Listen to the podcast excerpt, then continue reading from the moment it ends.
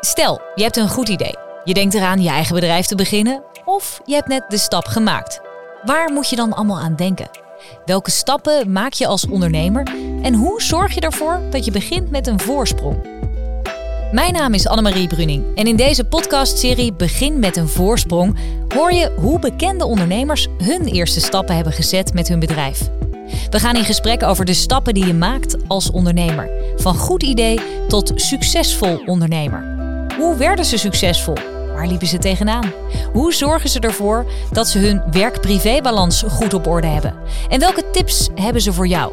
Dit keer spreek ik live vanuit een KVK-event met Floris Venneman. Hij is serieondernemer en eigenaar van Bureau 50, een marketingbureau voor 50-plussers. Floris, welkom. Dankjewel. Um, Even beginnen bij dat 50 plus. Want voor de mensen die nu de podcast luisteren, die kunnen jou niet zien. Jij bent echt geen 50. Uh, eh, nee, dat duurt nog 15 jaar. Maar je hebt je wel gespecialiseerd in de doelgroep 50 plus. Dat klopt, dat klopt. Gaan we zo meteen op verder. Maar dan weten mensen in ieder geval even wie we ongeveer voor ons hebben. Je was uh, eh, 14 toen je een eigen webbureau startte. Um, ja, ondernemen, is dat je met de paplepel ingegoten dat je dacht op je 14e ik ga een eigen bedrijf beginnen? Totaal niet. Mijn ouders komen allebei uit de zorg uh, en uh, vinden ondernemen heel ingewikkeld. Uh, we komen waarschijnlijk straks nog wel even op de grootste uitdaging in het ondernemersleven. Maar mijn moeder zei toen, uh, oh yes, ga je dan nu eindelijk een baan zoeken? Ehm, nee, ik, ik, totaal dus niet. Ik ben dat echt begonnen met het idee in de periode dat iedereen baantjes begon te krijgen bij de Albert Heijn en, en begon te vakken vullen. Toen zei een vriendje van mij, ik kan websites bouwen. Ehm, ik zei, nou dat is mooi, ik heb een grote mond. Dus volgens mij zijn wij een topteam. Laten we dat gewoon gaan doen. En toen zijn we gewoon als Jut en Jul websites gaan verkopen. Nou, en dan ben je ook gewoon nog eens een keertje, uh, sta je in die lijst van 25 beste jonge ondernemers? Ja, maar dat is echt al wel heel lang geleden hoor. Ja, maar ja, goed, het is wel leuk om even te benoemen natuurlijk. Je ouders waren wel trots, denk ik. Uh, ja, in zekere zin wel. Dat was volgens mij wel ongeveer ook de periode dat ik besloot om te stoppen met studeren. Dus ik weet niet of dat helemaal parallel lekker liep, zeg maar. Maar dat, uh, ja. Ze werden een beetje van hot naar her geslingerd, van emotie naar emotie. Zeker, ja. ja. uh, ja meerdere bedrijven volgden uiteindelijk, hè, niet voor niks serie-ondernemer. Ehm, in 2014 nam je zelfs tegen alle marktontwikkelingen in een woonwinkel over. Een bedrijf met een omzet van 4 miljoen en 15 mensen op de loonlijst. Uiteindelijk is dat niet goed afgelopen. Je ging failliet, kreeg een burn-out. Hoe kijk je daar nu op terug? Uh, nou, ik kreeg een burn-out en ging daarna failliet. Dus dat, dat die oh. liep in de volgende dingen. Het is wel een goede om die wel even te melden. Ik ging niet burn-out door de, uh, door de faillissement zelf.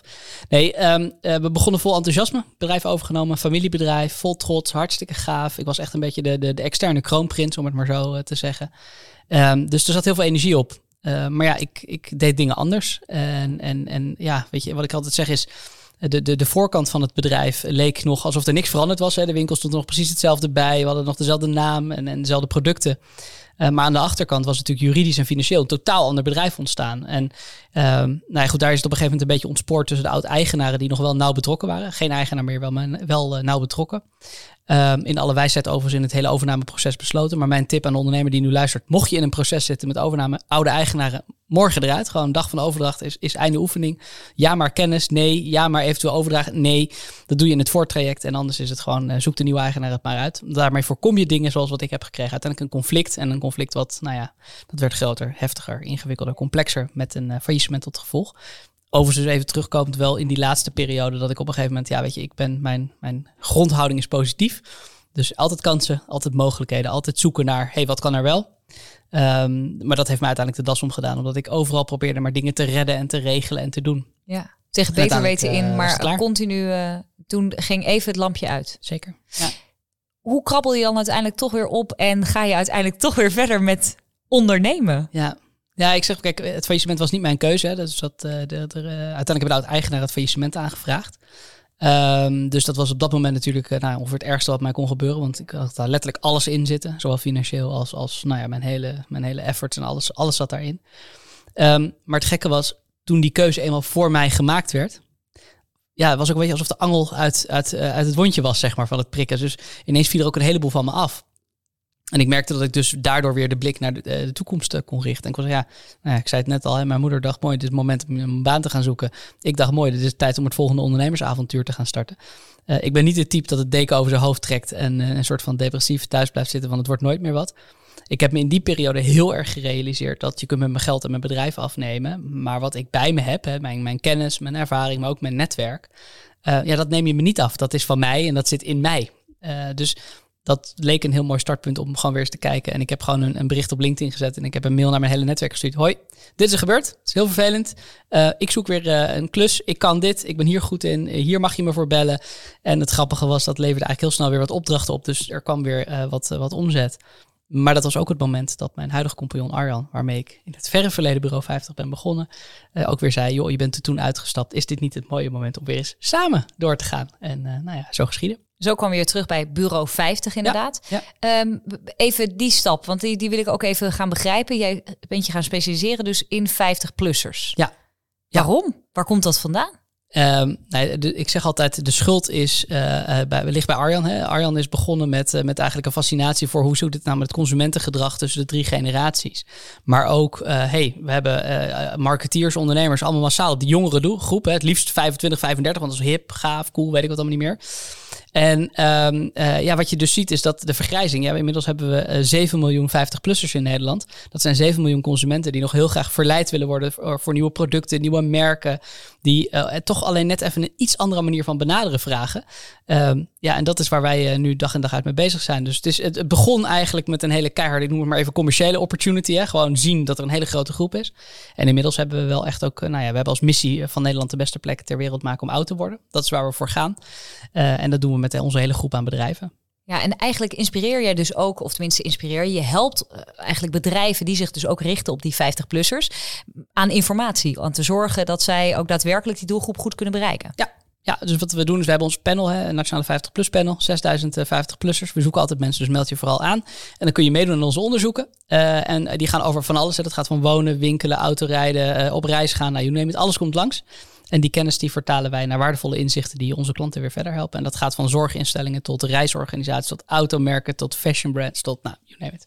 En dan zijn jullie ook echt een mediabedrijf. Jullie hebben zelfs een eigen tv-zender. Dus ja. eigenlijk een soort John de Mol hier tegenover me. Nou, niet te veel hier. maar, maar heb je wel die ambities om een soort van een, nieuwe John de Mol te worden onder die 50-plus doelgroep? Nee, wij hebben als ambitie om van Nederland de beste plek ter wereld te maken om oud te worden. En als daar. Maar als persoonlijke ambitie? Uh, Nee, Nee, nee. Iemand, um, laatst even terug, uh, gesprek met, met een, een van mijn hele waardevolle coaches en mentors. En, die, en op een gegeven moment zei ja, eigenlijk ben je een soort Paul de Leeuw.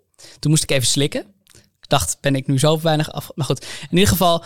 En, toen dacht ik, ja, eigenlijk zit er wel wat in. Hè? Paul de Leeuw heeft ook, hij is aan de ene kant ondernemer. Aan de andere kant staat hij toch wel graag in de belangstelling. Hij staat graag op het podium, vertelt verhalen. Is heel erg van, van mensen energie geven. Toen ik, ja, ergens zit daar wel wat in. Dus als ik op een, een, een of andere manier een beetje die kant op kan. Dus het, het verhaal delen, op podia staan, mensen inspireren en prikkelen. Versus gewoon mooie bedrijven bouwen. Als ik dat kan combineren, ben ik heel blij. En zeker als we dat dan ook nog kunnen doen in onze missie. Ja, al die combinaties daar. Maar dat, je hoort het bij veel ondernemers ook, hè? honderd dingen tegelijk doen. Uh, wat is daarin je geheim? Hoe combineer je dit allemaal? Hoe zorg je dat je focus houdt? Mm, nou goed, wat heel erg helpt is dat we met onze bedrijven heel erg een focus hebben. Dus het is heel makkelijk om te zeggen dat wel, dat niet, dat wel, dat niet, dat wel, dat niet. Uh, dus, dus dat helpt. Uh, aan de andere kant, kijk, wat ik merk is, ik heb die andere kant, hè, dat op zo'n podium staan, boeken schrijven. Dat, dat, niet dat ik een hele ambitie heb om een hele serie boeken te schrijven, maar ik vind het een hele leuke manier die ook bij mij hoort. En die geeft mij weer energie om dat andere te kunnen doen. En dat andere geeft me weer de ruimte om dat. Nou, en dus zo, krijg je een visuele cirkel. Moet altijd in balans zijn. Ja, altijd, altijd in balans zijn. Je hebt inderdaad ook een boek geschreven, dus hopeloos succesvol. Klopt. Waar is dat vandaan gekomen? Uh, nou ja, vanuit het feit dat ik dus uh, nou ja, faillissement uh, meegemaakt. Ik merkte in die tijd heel sterk dat ik dacht, ik ben alleen. Ik ben de enige die deze shit meemaakt. En warempel, als je dus open gesprekken gaat voeren met mensen, blijkt dat heel veel mensen best wel eens tegenslag in hun onderneming hebben. Dus dat het helemaal niet alleen maar is succes en geweldig en fantastisch. Er blijken gewoon meer mensen die gedoe hebben met hun partners, hun aandeelhouders, hun relatie, weet ik allemaal. Ik, dus ik dacht, ik wil van die openheid, ik wil eigenlijk dwingen, eh, ondernemers dwingen, omdat ik het ze gun, om opener te zijn over wat er ook niet goed gaat. Het is heel mooi om met elkaar biertjes te drinken en te vertellen, nou, investeerder en verkocht en miljoenen en geweldig. Maar de andere kant is, het grootste van ondernemers heeft ook gewoon een klant die niet betaalt een groot project wat niet doorgaat, uh, een medewerker die ziek thuis komt te zitten, een faillissement. We maken het allemaal mee. Laten we elkaar helpen, dan kunnen we ervaringen delen en daardoor misschien dingen slimmer of handiger doen. Uh, en daardoor ga je relaxter ondernemen, ondanks dat je tegenslag ervaart. En dat is een beetje mijn gevoel. En dat wilde ik opschrijven, omdat ik merkte dat dat verhaal gewoon maar heel weinig nou ja, voedingsbodem krijgt. Ja, dat mensen ook hun fouten durven te delen, omdat we daar met z'n allen van kunnen leren. Precies. Ja. Heb je nog een soort grote droom? Waar wil je naartoe? Waar wil je over een aantal jaren staan? Nou goed, ik, ik hoor... Als je 50 plus bent misschien over heel nee, veel jaren? Nee, nee, maar dat, ik geloof niet in uitgesteld leven. Dus dat, uh, dat is... Ik, we leven vandaag. Nee, ik, ik, um, ik denk dat ik al voor een deel mijn droom al wel leef. Het klinkt een beetje gezapig misschien in een, in een podcast. Maar ik ben hele toffe dingen aan het doen. Dus ik heb niet zoiets van... Ik wil uh, hè, met, een, met een boot de wereld rond... met een camper door Europa trekken. Dat vind ik allemaal niet zo interessant. Uh, waar het mij om gaat is dat ik nu mijn leven zo in kan richten... dat ik op het juiste moment de juiste dingen kan doen. Dus af en toe een week in Frankrijk werken... en met mijn vrouw een mooie reis maken. we hebben net een heel mooi huis gekocht. Weet je, ik vind dat soort dingen, vind, daar zit voor mij het ding in. Ja. Nou, nou hoor ik jou ook zeggen, nou, bijvoorbeeld ook een mooie reis maken met mijn vrouw. Hoe zorg je ervoor dat je dat werk privé, want dat is natuurlijk ook een ding voor ondernemers wat echt altijd een uitdaging is. Hoe zorg je ervoor dat je werk privé in balans houdt? Want ik hoor allemaal leuke dingen voorbij komen, maar ja, er is ook nog een vrouw thuis. Ja, en, en er is ook nog gewoon, ik zeg, ik, ik ben er zelf ook nog. Hè, dus, dus dat is ook niet onbelangrijk. Dus ik heb een ik, ik ben ondernemer, ik ben werk en eigenlijk al die rollen. Um, nee, dus ik, volgens mij betekent dat ook bewust keuzes maken. En soms ook even zeggen, even niet. Hè. Dus, dus soms is het gewoon even me-time. Soms is het even een week ben ik er gewoon niet. En, en ja, volgens mij is dat gewoon kiezen. En heel veel ondernemers, ook een van de dingen die in mijn boek heel nadrukkelijk staan. Heel veel ondernemers hebben het gevoel dat ze nooit weg kunnen. Maar als jij een bedrijf hebt gecreëerd waar je nooit uit weg kunt, heb je het verkeerde bedrijf gebouwd. Maar dat kan altijd. Je kunt altijd weg uit je bedrijf, denk je. Als jij dat goed bouwt. Nee, ik denk als jij bewuste keuzes maakt en zorgt dat dingen niet alleen maar afhankelijk van jou zijn. Als je um, incalculeert dat jouw klanten niet 24-7 uh, uh, jou kunnen bellen bijvoorbeeld. Mensen weten gewoon, na een uur of acht hoef je mij niet meer te bellen s'avonds. Dan ben ik niet op mijn scherp, dus ben ik niet goed. En de, de grap is dus, heel veel mensen zeggen, nou dan bel ik je de volgende ochtend liever wat eerder. Want dan ben ik scherp en dan ben ik er weer. Dus ik neem na acht uur ook mijn telefoon niet meer op. Dus geeft die grenzen eigenlijk al vrij snel aan. Denk daar ook over na als je begint. Ja, want op het moment dat een klant eenmaal opgevoed is met ik kan jou altijd bellen, no matter waar je bent en hoe je, ja, dan gaat hij je dus ook altijd bellen. Ja, inderdaad. Dat is misschien wel uh, dat is een, een, hele waardevolle tip, denk ik, voor heel veel startende ondernemers. Uh, ik ben benieuwd of je nog meer tips hebt. Heb je nog een, een, een paar dingen die je echt mee wil geven aan de ondernemers die nu aan het luisteren zijn? Nou, wees open en eerlijk over de goede dingen die je doet. Um, maar ook vooral als je ergens mee struggelt. Want um, je loopt soms zelf te vaak met een probleem of een uitdaging veel te lang door. Terwijl een ander misschien in twee minuten de oplossing voor je heeft. Uh, want die heeft het al een keer meegemaakt of is toevallig expert op een bepaald onderwerp.